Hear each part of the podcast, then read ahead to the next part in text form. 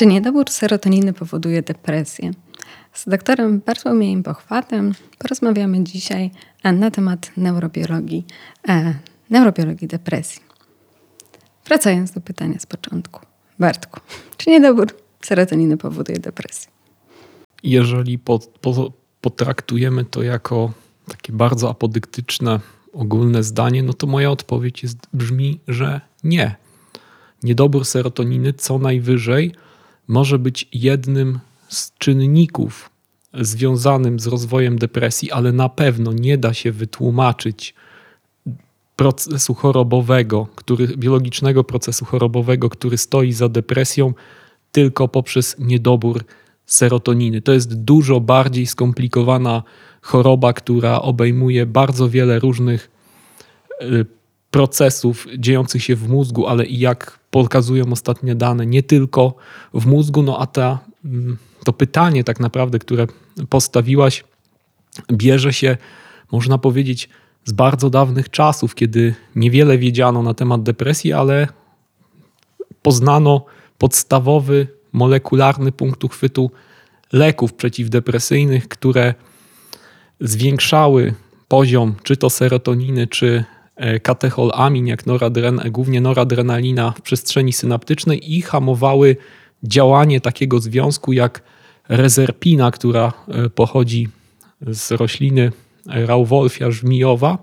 Ta rezerpina właśnie wypłukuje zakończenia e, synaptyczne zawierające serotoninę, noradrenalinę czy dopaminę z tych monoamin i leki przeciwdepresyjne to hamowały. Ale na pewno nie można na tej podstawie stwierdzić, że za patofizjologią depresji stoi prosty niedobór serotoniny. To jest ogromne uproszczenie. Ciekawy jest fakt, on może być nieco martwiący, że to nie jest tak, że leki przeciwdepresyjne zostały opracowane w oparciu o pewną e, teorię depresji, czy teorię o neurobiologii depresji, tylko jest trochę odwrotnie. Że mamy substancję, która działa i później zastanawiamy się, dlaczego w ogóle ona działa. I a, wspomniałeś o rezerpinie, która wpływa na, na noradrenalinę, um, która pokazała, że być może a jej stężenie jest zbyt małe u pacjentów, pacjentów z depresją, ale zainspirowało to też dalsze badania nad mózgowym podłożem depresji. Ok, skoro mówisz, że serotonina nie jest w aż tak bezpośredni sposób powiązana z depresją, to znaczy nie możemy powiedzieć, że na poziomie mózgowym depresja równa się zbyt mały poziom serotoniny. To skąd e, wzięła się afera wokół e, artykułu, który ukazał się w lipcu, e, w którym Joan McCreeve pisała, mm, pisała w sposób, który był skomentowany w taki gorący sposób przez media, że serotoninowa teoria depresji została obalona. Stąd wzięło się sporo wątpliwości na temat skuteczności działania leków przeciwdepresyjnych. Zresztą autorka artykułu jest znana ze swoich, łagodnie mówiąc, sceptycznych wypowiedzi dotyczących ich działania. Skąd ta afera? Dlaczego obalenie, powiedzmy, teorii serotoninowej miałoby być taką e, tragedią, jeśli chodzi o nasze rozumienie neurobiologii depresji? E, wiesz co, jedno w tym artykule na pewno jest prawdziwe, mianowicie to, że faktycznie hipoteza monoaminowa depresji nie jest hipotezą tłumaczącą e, proces biologiczny prowadzący do depresji, natomiast e, z tego nie wynika, że nie ma sensu podawać leków przeciwdepresyjnych, bo musimy sobie jedną rzecz uświadomić, że układ serotoninergiczny nie jest w funkcjonalnym stosunku sam do siebie serotonina, układ serotoninergiczny i receptory serotoninowe znajdują się w, w, bardzo wielu strukturach naszego mózgu, w tym także w tych strukturach, e, które są kluczowe dla przetwarzania informacji odpowiedzialnych za nastrój, za emocje, za, za sen czy zachowania prokreacyjne. Zatem, jeżeli my podajemy taki związek, który na przykład blokuje wychwyt zwrotny serotoniny, to wpływamy niemalże na, to może nie tak, że niemalże na cały mózg, ale wpływamy na te struktury mózgu, które są unerwiane przez, seroto, przez serotoninę. Zatem jakby przeciwdepresyjny efekt leków mm, przeciwdepresyjnych wcale nie musi być związany z zaburzeniem balansu e, serotoniny, bo po prostu poprzez tę serotoninę my dochodzimy do innych struktur mózgowych, do innych neuronów, których funkcjonowanie może być w depresji e, zaburzone. Zatem ten artykuł Moncrief moim zdaniem niczego nowego nie pokazuje. Nawet jeżeli sobie weźmiemy takie najbardziej poczytne książki do psychofarmakologii, no ja podam może przykład psychofarmakologii Sztala, to tam jest już od kilku wydań, przynajmniej kilku wydań, bo tyle wydań znam, jasno pokazane, że nie ma dowodów na to, że monoaminowa hipoteza depresji jest tą właściwą hipotezą, która tłumaczy proces biologiczny prowadzący do depresji. I to zarówno monoaminowa hipoteza w tej swojej pierwotnej wersji, która mówi o niedoborze serotoniny, jak i ta wersja receptorowa, że niedobór serotoniny powoduje zwiększoną ekspresję receptorów serotoninowych, a leki przeciwdepresyjne mają, te ma, mają tą zwiększoną ekspresję receptorów, przynajmniej niektórych receptorów serotoninowych odwracać. Po prostu nie ma na to dostatecznych dowodów i serotonina na pewno nie jest głównym graczem w depresji, jest co najwyżej jednym z elementów, ale nie można zredukować wyjaśnienia depresji tylko do serotoniny i tak jak zapytałaś, depresja nie równa się obniżony poziom serotoniny. Jak zadałam to pytanie, to e, przyszedł mi do głowy taki żart rysunkowy, w których jedna postać pyta drugą, ej, co ci jest? A druga mówi, po prostu niedobór serotoniny e, w znaczeniu depresji. Mm. Skoro monoaminowa hipoteza depresji nie pozwala nam na jej wyjaśnienie, mm, to co innego? Mm, powstało kilka różnych hipotez, jest kilka różnych ścieżek badawczych, które wydają się ze sobą mocno, e, mocno powiązane, a nie wykluczające się. E, rozwijającą się i coraz bardziej popularna jest hipoteza, e, hipoteza neurotroficzna. Tak, hipoteza neurotroficzna, ona ma, miała swój początek około 20 lat temu. Wzięła się z badań na gryzoniach. Te, te badania pokazywały, że chroniczny e, stres zaburza przekazywanie sygnału zależne od BDNF-u. Potem zaczęto jednak głębiej w ten problem chodzić, bo tak jak powiedziałem, nie wszyscy byli w stanie zreplikować e, to, pierwot, to, to pierwotne odkrycie, że stres jest powiązany ze spadkiem ekspresji BDNF-u zarówno na poziomie mRNA i, i białka.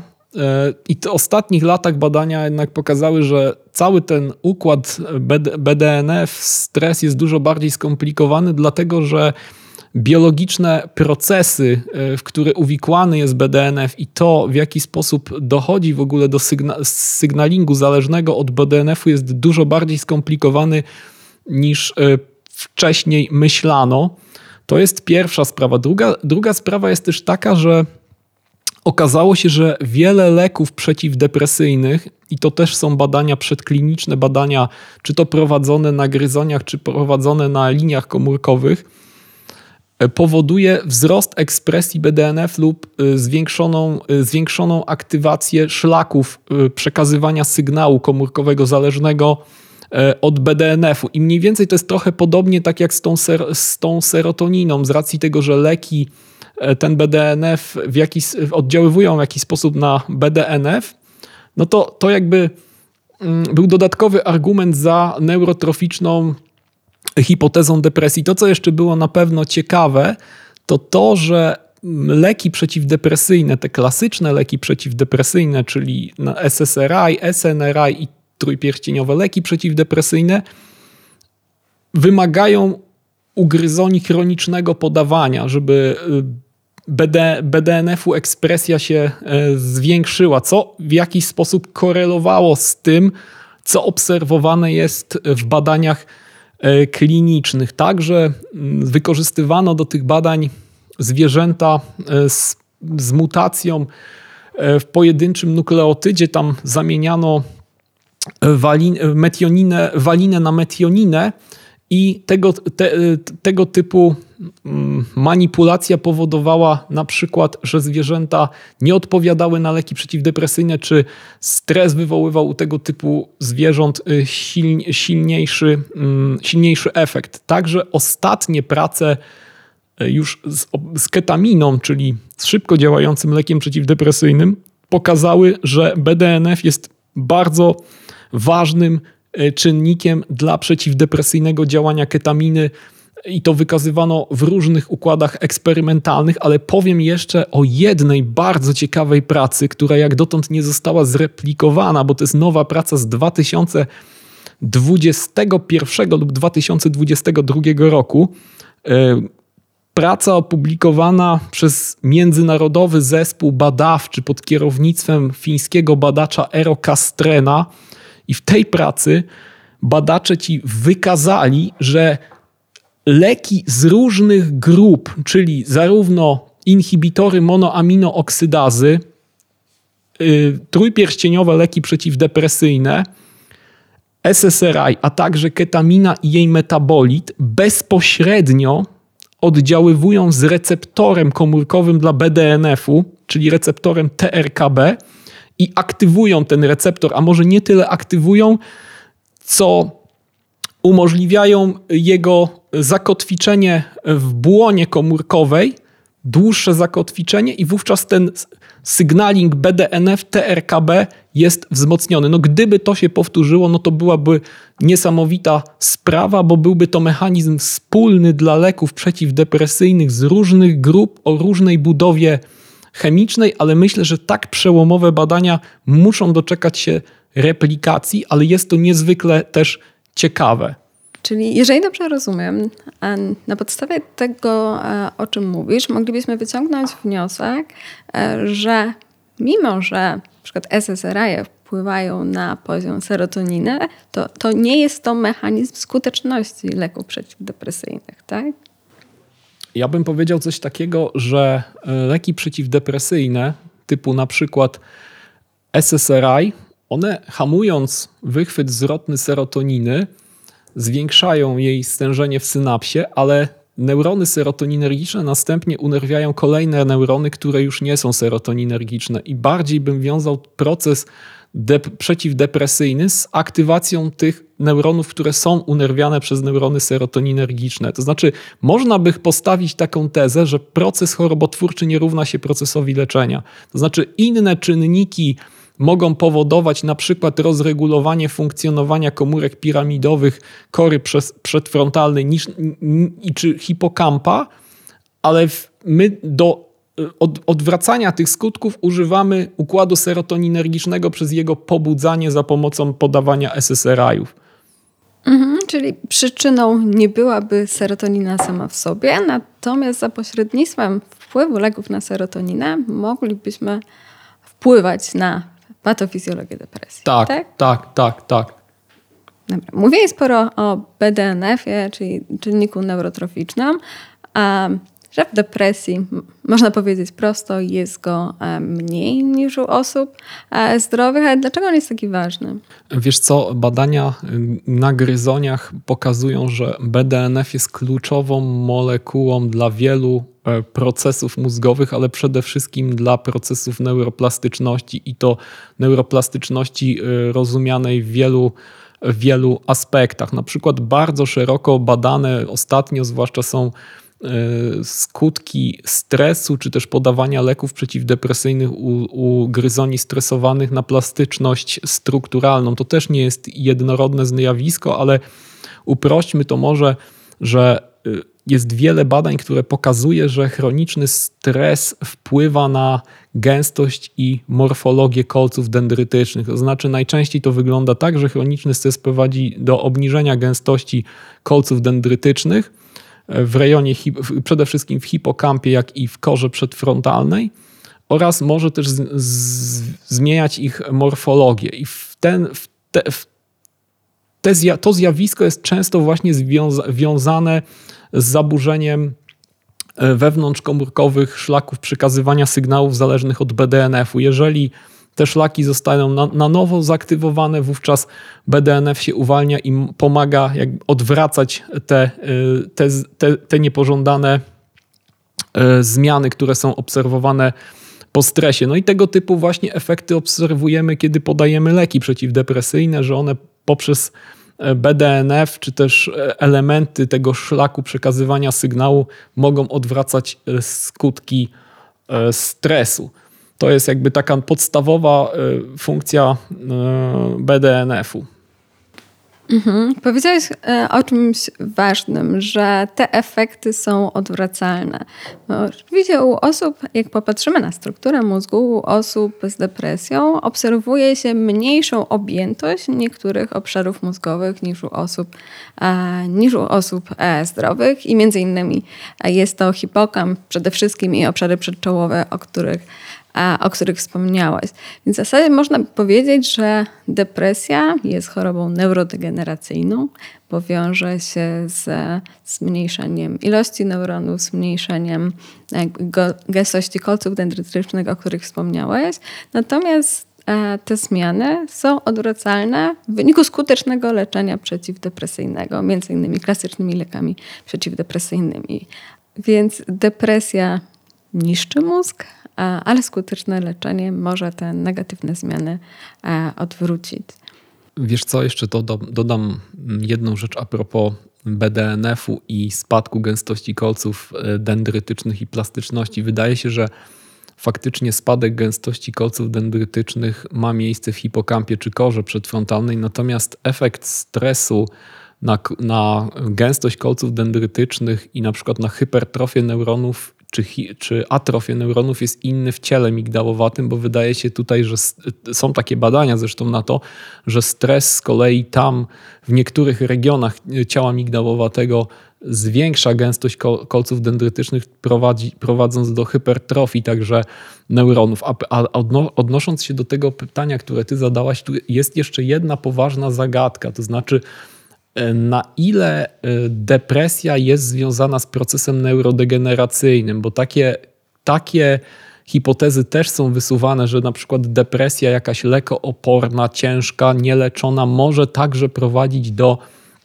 neurodegeneracji. I nie ma na to takich twardych dowodów, ale są takie hipotezy stawiane, że na przykład osoby lekooporne po którejś kolejnej terapii nie odpowiadające na leki być może dlatego nie odpowiadają na te leki, ponieważ mają już zniszczone jakieś neurony, które mogłyby wiązać się z lekami przeciwdepresyjnymi. Zatem to zniszczenie mózgu, ja bym powiedział, jest takie. Yy, nie, zniszczenie mózgu to może nie jest najlepsze słowo, bo zniszczenie mózgu bardziej kojarzy mi się z chorobami neurodegeneracyjnymi typu choroba Alzheimera na przykład, natomiast na pewno depresja wpływa na strukturę tego mózgu i w zależności od, od regionu tego mózgu mogą być to zmiany atroficzne lub też hipertroficzne. Jakie są konsekwencje tego? Bo możemy sobie łatwiej wyobrazić negatywne konsekwencje zmniejszenia objętości, czy to w hipokampie, czy obszarach przedczołowych. Negatywny wpływ na mm, funkcje wykonawcze chociażby, ale też hipokamp jest um, związany z uczeniem się, pamięcią i e, w normalnych warunkach wykazuje najwyższą neuroplastyczność ze wszystkich e, struktur mózgowych. A jakie są konsekwencje tego, że struktury podkorowe, między innymi e, ciało migdałowate, się rozwijają, rozrastają w wyniku stresu? E, to bardzo dobrze widać w badaniach prowadzonych na gryzoniach, w których, które pokazują, że chroniczny stres upośledza funkcje pamięciowe, które są za, z, zależne od prawidłowej struktury e, hipokampa, natomiast nie upośledza e, funkcji zależnych od ciała migdałowatego, jak na przykład, e, wygasz, jak na przykład uczenie się negatywnych bodźców, inform przetwarzania informacji związanych z lękiem czy ze strachem, co pośrednio jakby pokazuje że to ciało migdałowate może mieć inny, inna, inny może być skutek stresu na ciało migdałowate, a inny na, na hipokamp czy y, korę przedfrontalną. To brzmi całkiem kiepsko, że na skutek chronicznego stresu czy depresji pogarszą nam się pamięć faktów, uczenie się, funkcje wykonawcze, a za to poprawia nam się jakość e, warunkowania lęku, to znaczy nabywania skojarzeń między różnymi bodźcami a lękiem. Trochę brzmi jak takie błędne koło. No tak, jest to prawda. Zresztą bardzo wiem, że bardzo przywiązuje się wagę do mm, zwalczania w depresji objawów, negatywnych objawów kognitywnych, że jest, że jest to bardzo, bardzo ważne i też widziałem takie y, opinie, że to może też właśnie, jeżeli te objawy nie są, nie są zwal zwalczane przez y, leczenie antydepresyjne, to niestety może być jakoś powiązane z kolejnymi nawrotami y, depresji. Ale masz rację, brzmi to bardzo kiepsko.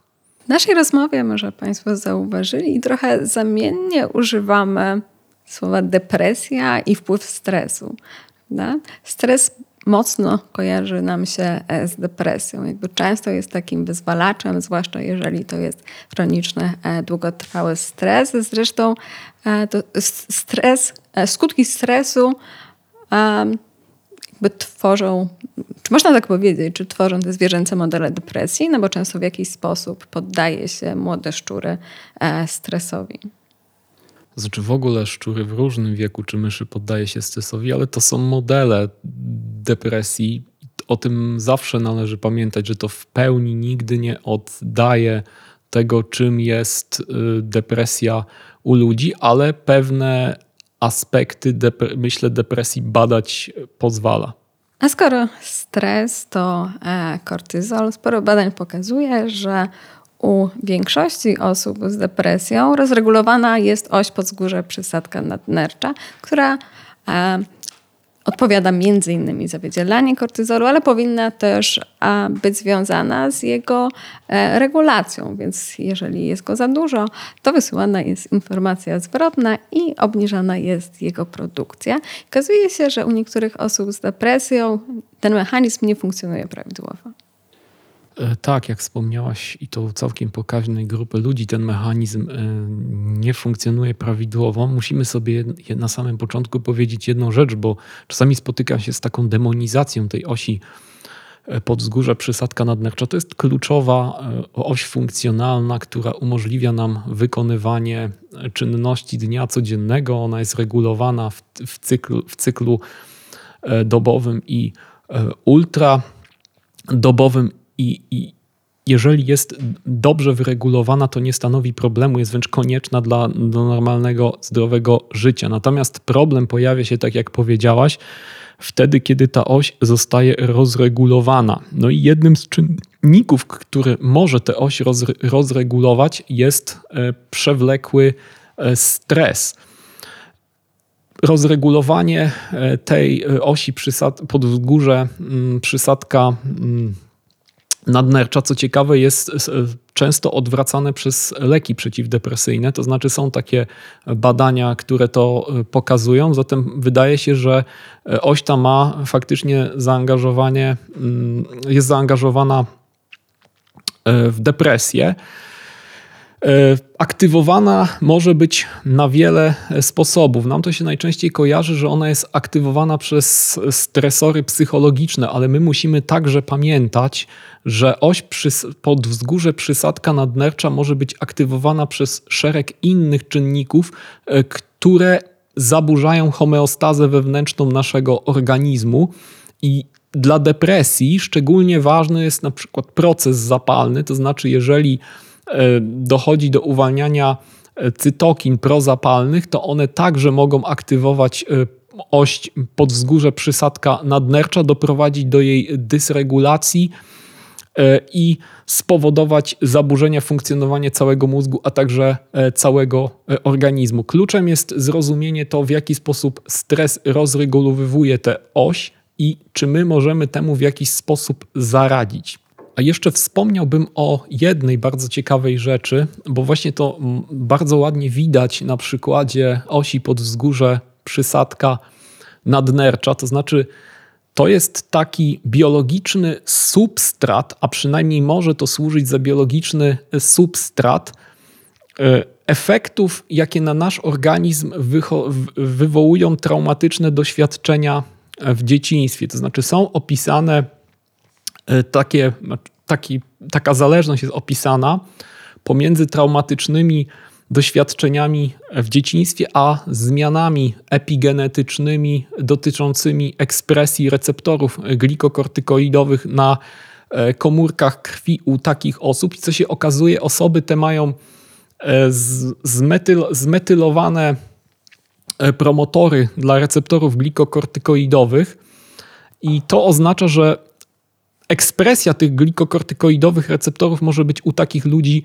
E, utrudniona, a jeżeli sobie weźmiemy pod uwagę to, że receptory glikokortykoidowe są kluczowe dla regulacji osi podzgórze przysadka nadnercza, no to widzimy tutaj potencjalny związek między traumą z dzieciństwa a rozregulowaną osią. Powiem jeszcze więcej. Bardzo ciekawe są badania też prowadzone na gryzoniach, które dotyczą separacji małych myszy czy małych szczurów od matki. Jeżeli ta separacja jest bardzo długa, to te zwierzęta w późniejszym życiu są wrażliwsze na stres i mają zaburzenia w funkcjonowaniu osi podzgórze, przysadka nadnercza. Natomiast jeżeli separacja jest krótka i pulsacyjna, to się okazuje, że matka o takie zwierzęta dba bardziej, częściej je liże, częściej pielęgnuje im sierść i te zwierzęta nie mają problemów z rozregulowaną osią podzgórze przysadka nadnercza w dorosłym życiu i nie mają takich problemów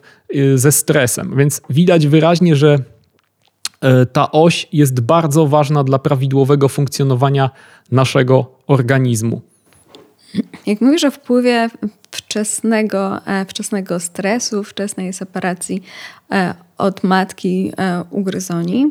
E, to czy masz na myśli zmiany epigenetyczne, które zachodzą pod wpływem tych wczesnych wydarzeń? E, tak, tak. To są, to są zmiany, które zachodzą pod wpływem tych wczesnych wydarzeń. I problem jest taki, że te często zmiany epigenetyczne są trudne do usunięcia. No i wydaje, wydaje się, że, że one mogą bardzo, przez bardzo długi okres życia być, za, być zakodowane. E, a jeżeli weźmiemy pod uwagę to, że układ, e, układ nerwowy, zwłaszcza w tym pierwszym okresie życia się rozwija, no to może to prowadzić do e, zaburzeń, które się w późniejszym życiu niestety ujawnią. I czy wiemy mm, na ekspresję jakich genów wpływa stres? Wiesz co, zmiany epigenetyczne E, spowodowane przez stres były badane u gryzoni. To na przykład są zmiany w ekspresji BDNF-u, podjednostek e, receptora AMPA, ale także innych białek, które są zaangażowane w transmisję sygnału zależną od glikokortykosteroidów. Ja tu wymieniłem kilka, bo tego, tego jest więcej, ale takie trzy powiedziałbym podstawowe, które, które są opisane i najczęściej eksplorowane. Mhm. Czyli wróciliśmy trochę do teorii mm, neurotroficznej. Wspomniałeś o e, BDNF-ie, czy e, hipotezie zapalnej depresji, prawda? Że stres reguluje ekspresję genów, które są właśnie związane, e, właśnie związane z tymi funkcjami. Wspominałeś o, o stanie zapalnym. O jaki stan zapalny tutaj chodzi? No, stan zapalny może kojarzyć się na przykład z infekcją zatok. Czy infekcja zatok może wpływać na depresję?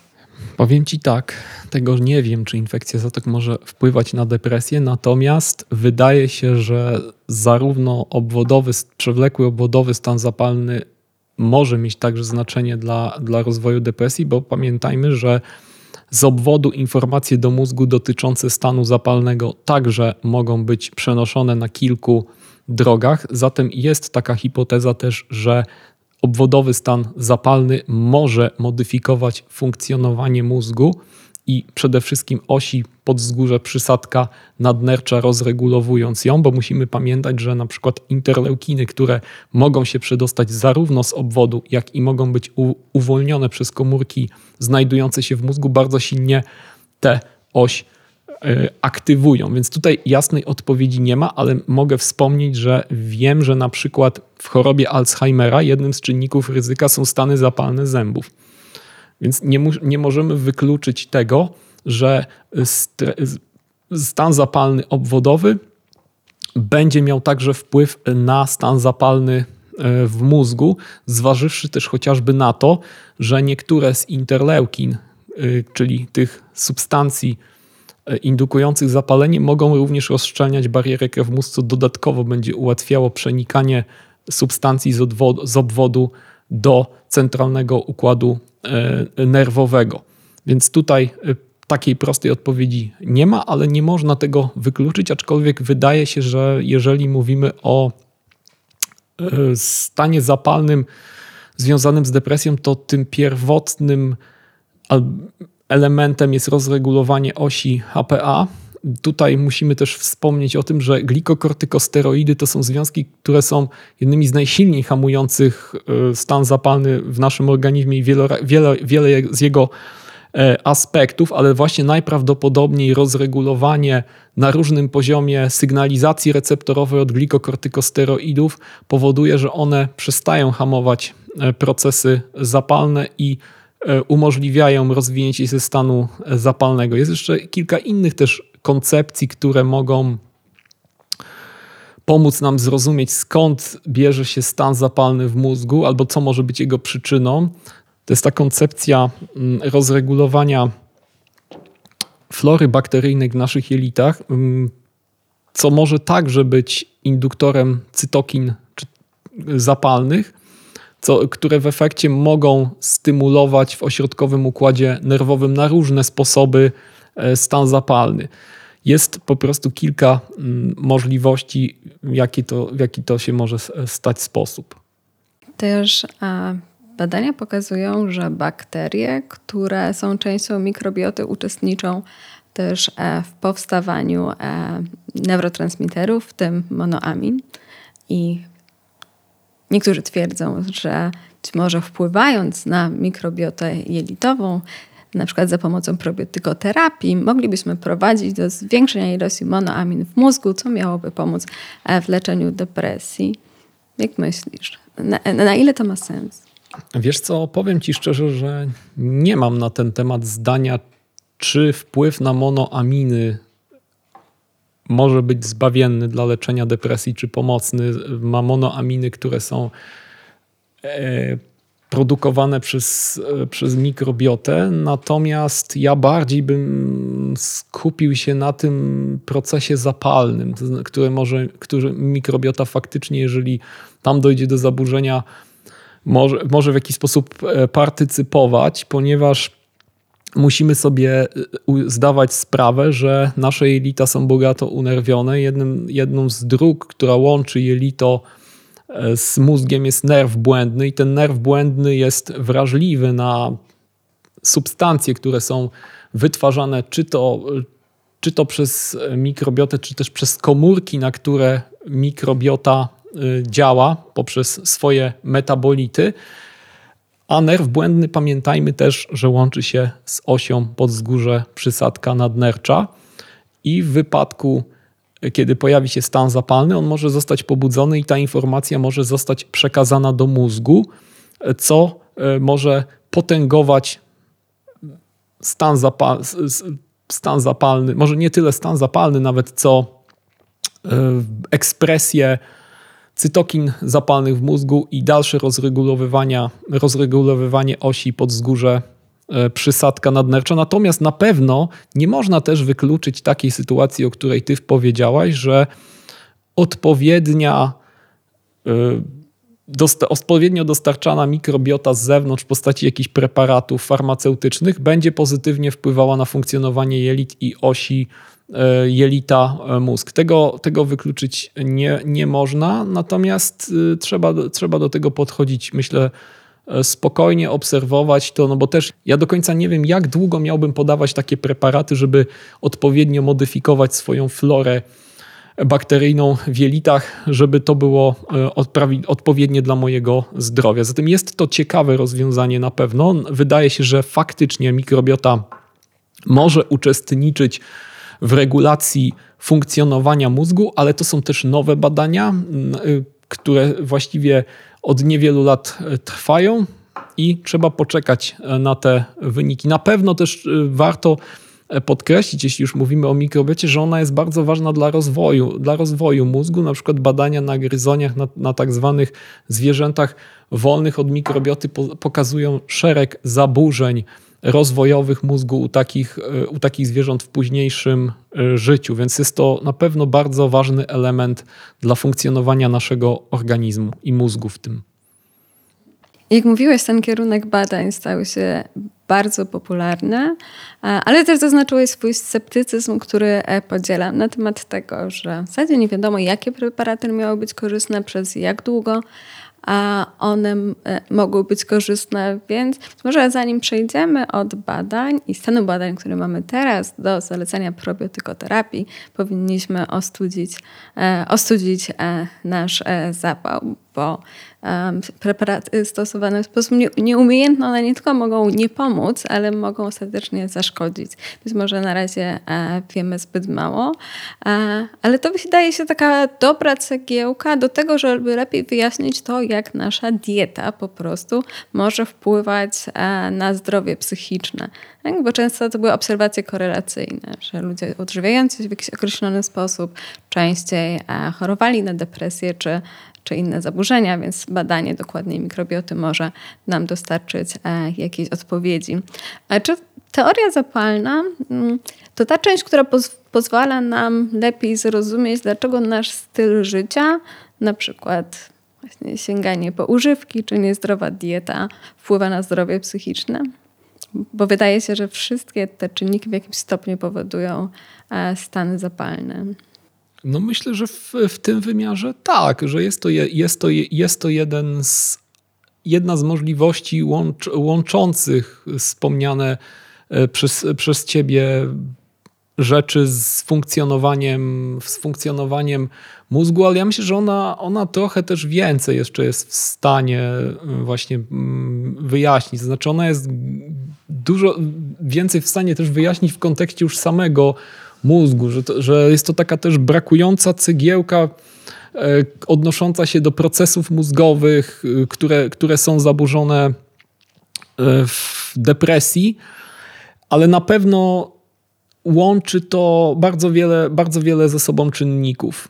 To jest, to jest bardzo, bardzo, ciekawa, bardzo ciekawa koncepcja, rozwijana już też od, od wielu, wielu lat, ale też muszę przyznać, że bardzo skomplikowana. Chociażby wpływ e, receptorów sterydowych na cytokiny, na konkretne komórki, mikroglej mózgowy i tak dalej. Jest to, jest to bardzo skomplikowane, zważywszy też na fakt, ile, ile, jest tych, ile jest tych czynników zapalenia chemicznych, jak dużo jest tych cząsteczek, w jaki one różny sposób wchodzą ze sobą w interakcję. Pamiętajmy też, że na przykład ja tu wymieniałem interleukiny jako takie czynniki zapalne, interleukina pierwsza, na szósta, czynnik TNF-alfa, ale pamiętajmy też, że te cząsteczki nie tylko są uwikłane w proces zapalny, ale one są na przykład konieczne do prawidłowej neuroplastyczności, kiedy są w normalnych stężeniach, kiedy nie jest to powiązane z jakimś silnym procesem zapalnym.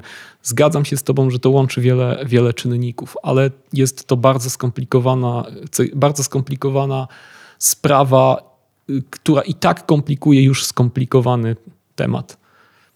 Też e, na bazie teorii zapalnych depresji próbuje opracować e, leki, które mają być nakierowane na cytokiny e, prozapalne, które mają neutralizować interleukiny szóste. Na jakim jesteśmy etapie, jeśli chodzi o te badania? Ciągle na gryzoniach, czy może już dalej? E, wiesz co, na gryzoniach było wiele takich badań. Faktycznie blokowanie interleukin i to na różne sposoby, na obwodzie, w mózgu, podawanie antagonistów, e, neutralizatorów tych interleukin faktycznie wywoływało efekty przeciwdepresyjne, ale wiem, że też były badania e, na ludziach prowadzone, na ludziach, u których depresja współwystępowała z chorobami immunologicznymi. Ja nie pamiętam w tej chwili nazw tych, tych preparatów, tych leków eksperymentalnych, i wiem, że uzyskiwano efekty e, przeciwdepresyjne, ale także próbowano stosować, jeśli mówimy już o procesie zapalnym,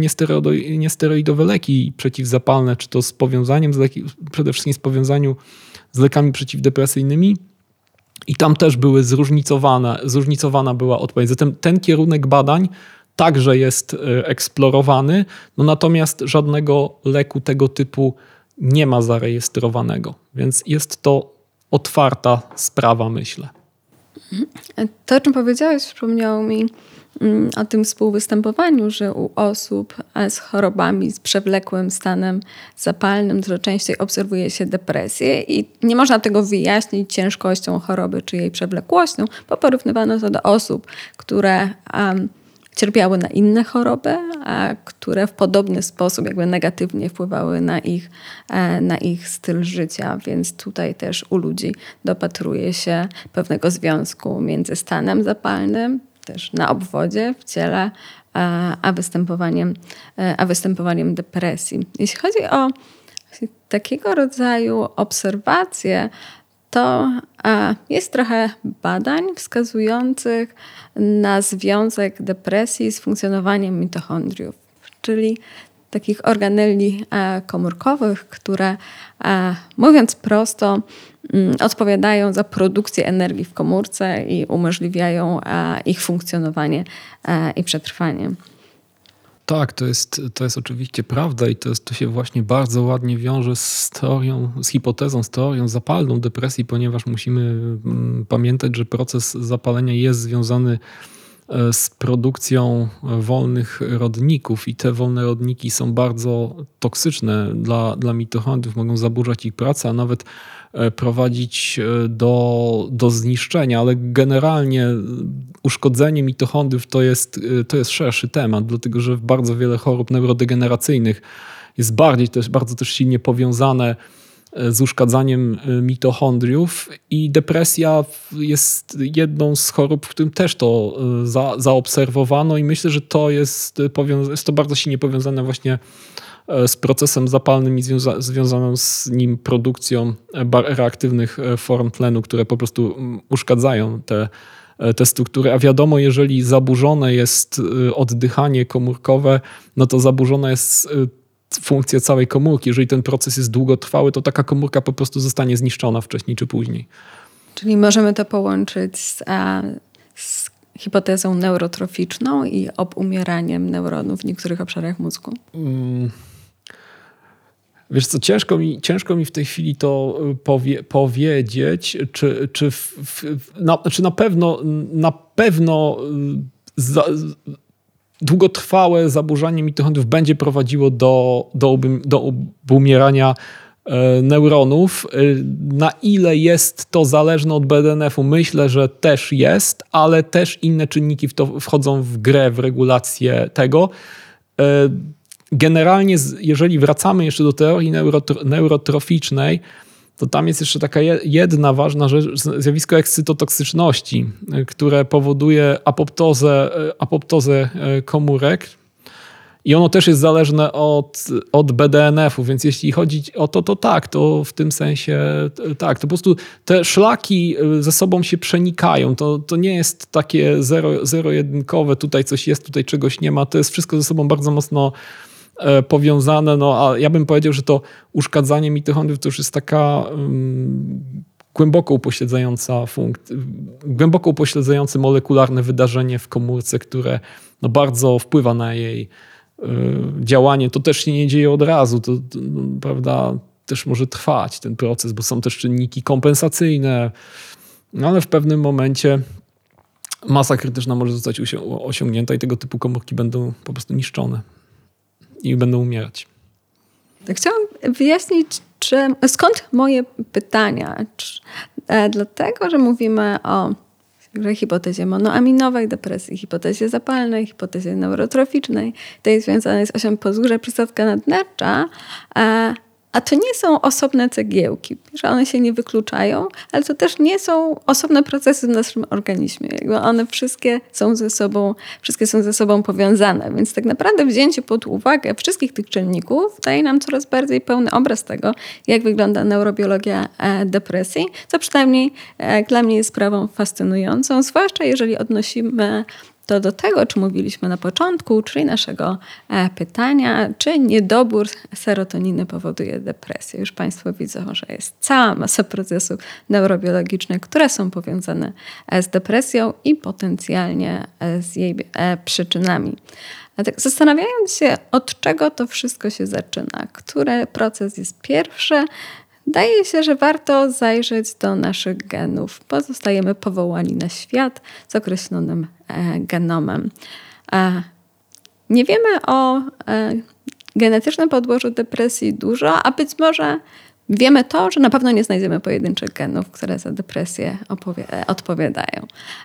Ale coś tam wiemy. Coś tam wiemy, ale też wiemy, że, na przykład, że depresja jest na pewno mniej zdeterminowana genetycznie niż schizofrenia czy choroba dwubiegunowa, czyli to tutaj te, dwie, te, te dwa schorzenia są dużo bardziej zdeterminowane genetycznie.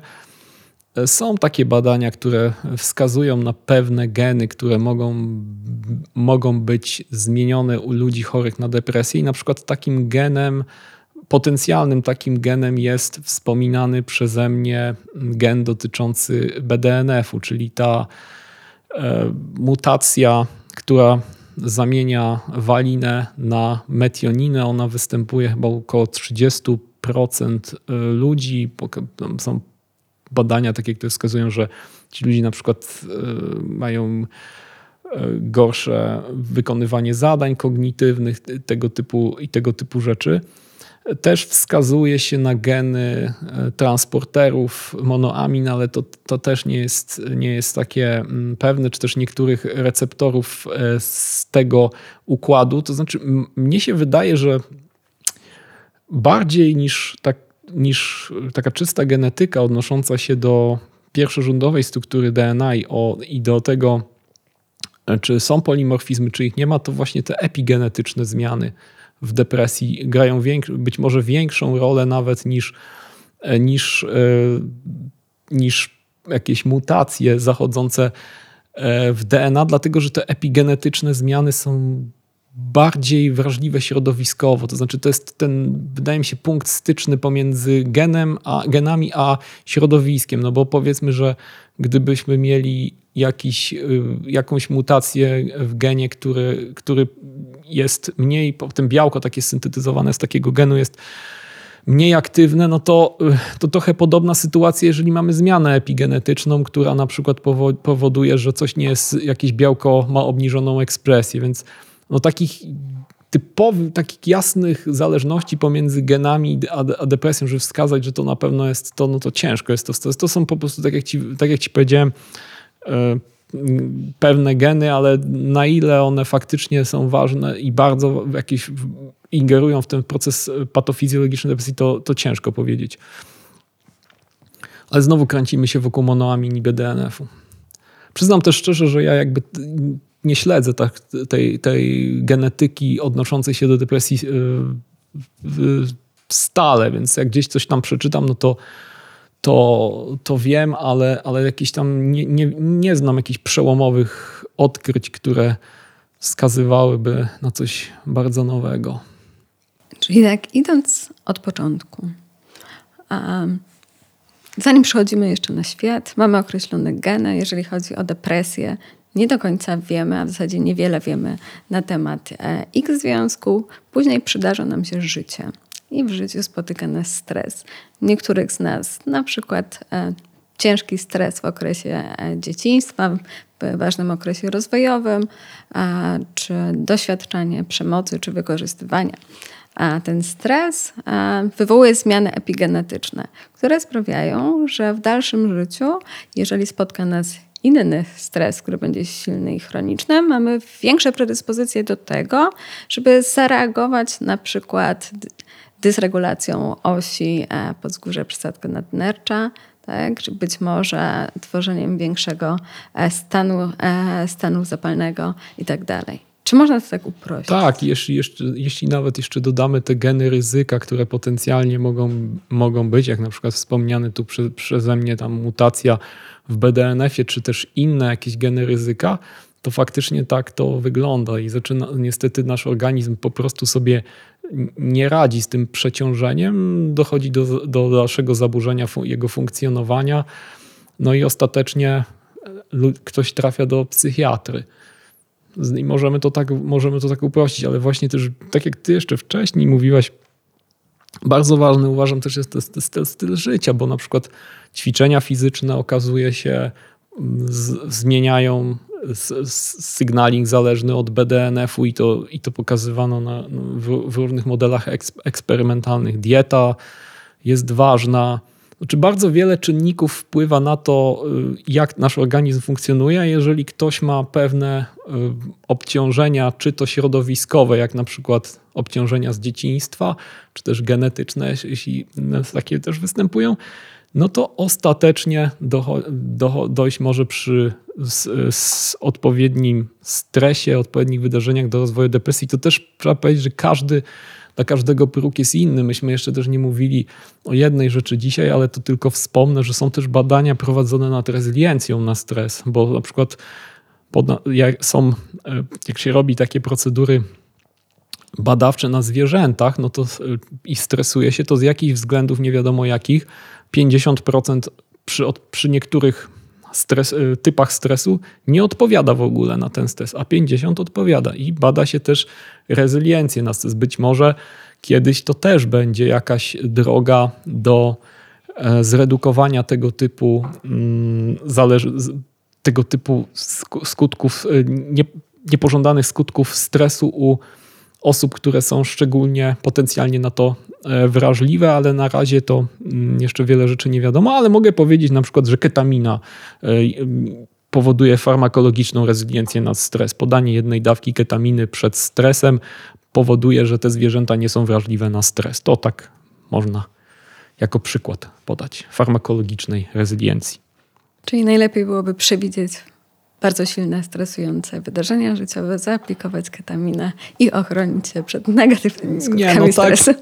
Tak, to może nie, ale bo ja, ja, ci, ja muszę powiedzieć, że mimo iż interesuję się lekami, to jestem zwolennikiem jak najmniejszego ich przyjmowania i tylko w sytuacjach, kiedy naprawdę trzeba. Ale, ale no, tak by to teoretycznie mogło wyglądać, jak mówisz, chociaż myślę, że lepsze by były jakieś bezpieczniejsze preparaty, na przykład gdyby te bakterie jelitowe się okazały, to, to może byłoby to ciekawsze i bezpieczniejsze niż podawanie ketaminy.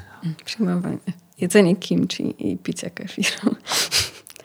A jeżeli chodzi o ten stres, to czy te zmiany epigenetyczne, które powstają w dzieciństwie pod wpływem silnego stresu, da się w jakikolwiek sposób odwrócić? Wiesz co, teoretycznie da się to odwrócić, ponieważ e, nasz organizm e, posiada takie mechanizmy komórkowe, które je odwracają, ale nie jest to, takie proste. No mogę powiedzieć, że na przykład znane są w literaturze e, przedmiotu przypadki deacetylacji histonów. To znaczy, jeżeli histon jest deacetylowany, no to wówczas dostęp do danego genu przez czynniki transkrypcyjne jest utrudniony. No i są próby zastosowania inhibitorów deacetylas histonowych, ale to są na razie próby na zwierzętach. One dają ciekawe efekty, działają w modelach zwierzęcych przeciwdepresyjnie, ale nie ma, o ile mi wiadomo, testów klinicznych z tego typu związkami, ale jest jeszcze druga droga, o której warto wspomnieć, bo po prostu niektóre leki przeciwdepresyjne regulują ekspresję na przykład acetylaz histonowych, tylko to jest jedna różnica. Blokada bezpośrednia acetylazy, a regulacja jej deacetylazy, a e, regulacja jej ekspresji. I wygląda na to, że niektóre leki przeciwdepresyjne mogą wpływać na ekspresję tego typu białek i pośrednio regulować procesy na przykład acetylacji histonów. Więc są, są pewne możliwy okwas walproinowy także na te procesy mm, acetylacji histonów wpływa. No, są, takie, są takie badania prowadzone, ale na razie leku chyba na, na, na pewno na żadną chorobę psychiczną bezpośrednio zarejestrowanego w oparciu o ten mechanizm to nie ma.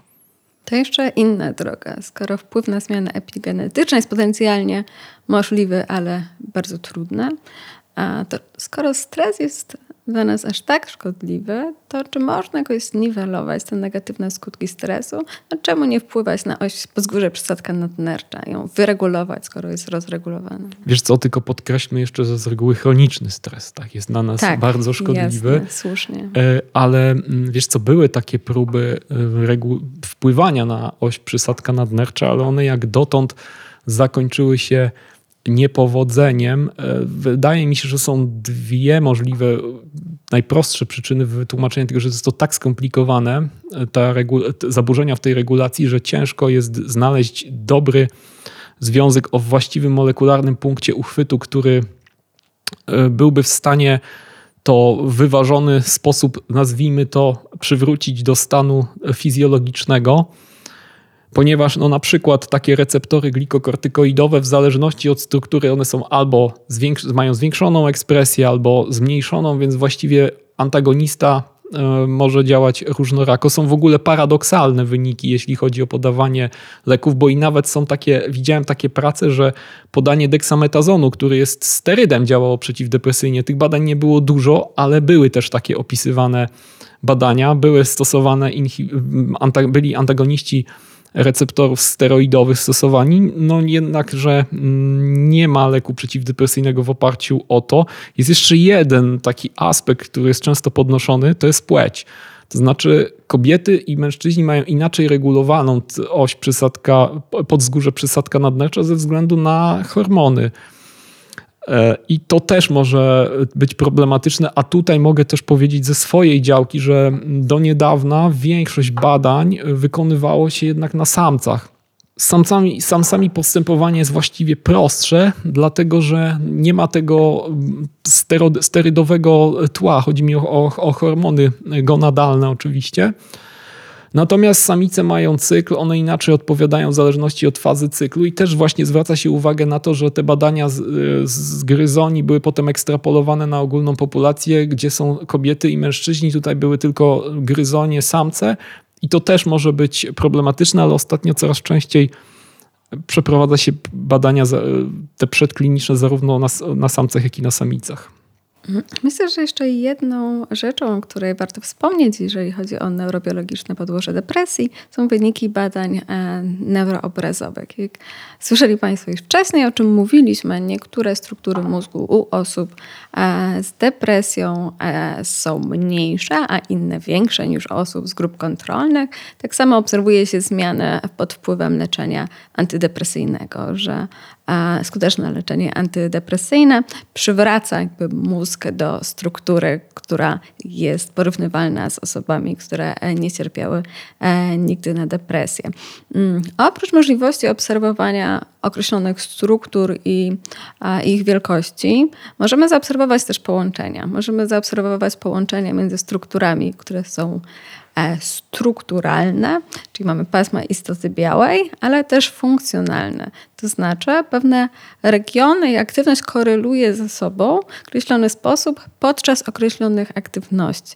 Tutaj między innymi przygląda się mm, aktywności mózgowej podczas wykonywania konkretnych zadań. Więc nie w momencie, w którym e, ktoś leży w skanerze i ma zamknięte oczy, ale też podczas na przykład e, kontaktu z zagrażającymi bodźcami, ale także zadaniami, które wymagają zaangażowania e, uwagi, kontroli poznawczej, funkcji wykonawczych, czy związanymi z bodźcami apetytywnymi, czyli z grubsza takimi, które są przez nas pożądane a, i, a, i korzystne. I tutaj a, okazuje się, że w takim funkcjonalnym ujęciu, powiązanym z konkretną osią, związaną z konkretnym obszarem funkcjonowania, właśnie na przykład pamięcią, uwagą, a czy reagowaniem na nagrody, osoby chorujące na depresję różnią się od osób, od osób z grupy e, kontrolnej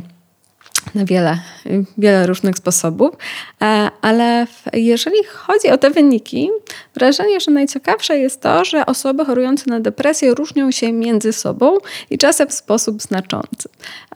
Część osób wykazuje na przykład silniejsze powiązania pomiędzy na przykład ciałem migdałowatym i obszarami przedczołowymi. Inne osoby z depresją, a u innych osób z depresją obserwuje się, obserwuje się e, przeciwny, przeciwny efekt. E, tak samo jest też w przypadku aktywności związanej z zadaniem określonych struktur. Czasem obserwuje się obniżoną aktywność, u innych osób z depresją podwyższoną e, aktywność to też nam bardzo dobrze pokazuje coś, co z jednej strony widzimy, jeżeli widzimy w obrazie klinicznym, to znaczy obserwujemy pacjenta, widzimy jakie ma objawy, pacjenci się między sobą e, po prostu różnią. Typów depresji e, jest znacznie więcej i jeżeli mówimy o metodach neuroobrazowania, one pokazują nam coś, co możemy nazwać biotypami, że jakby działanie sieci mózgowych związanych z określonymi e, funkcjami jest różna u różnych osób. Ponadto zaczęto przeprowadzać badania, które łączą dany wzorzec aktywności w konkretnych osiach ze skutecznością konkretnych leków przeciwdepresyjnych, co daje, co daje ciekawe rezultaty i prowadzi nas w stronę coraz bardziej spersonalizowanej medycyny i lepszego, lepszego doboru leków.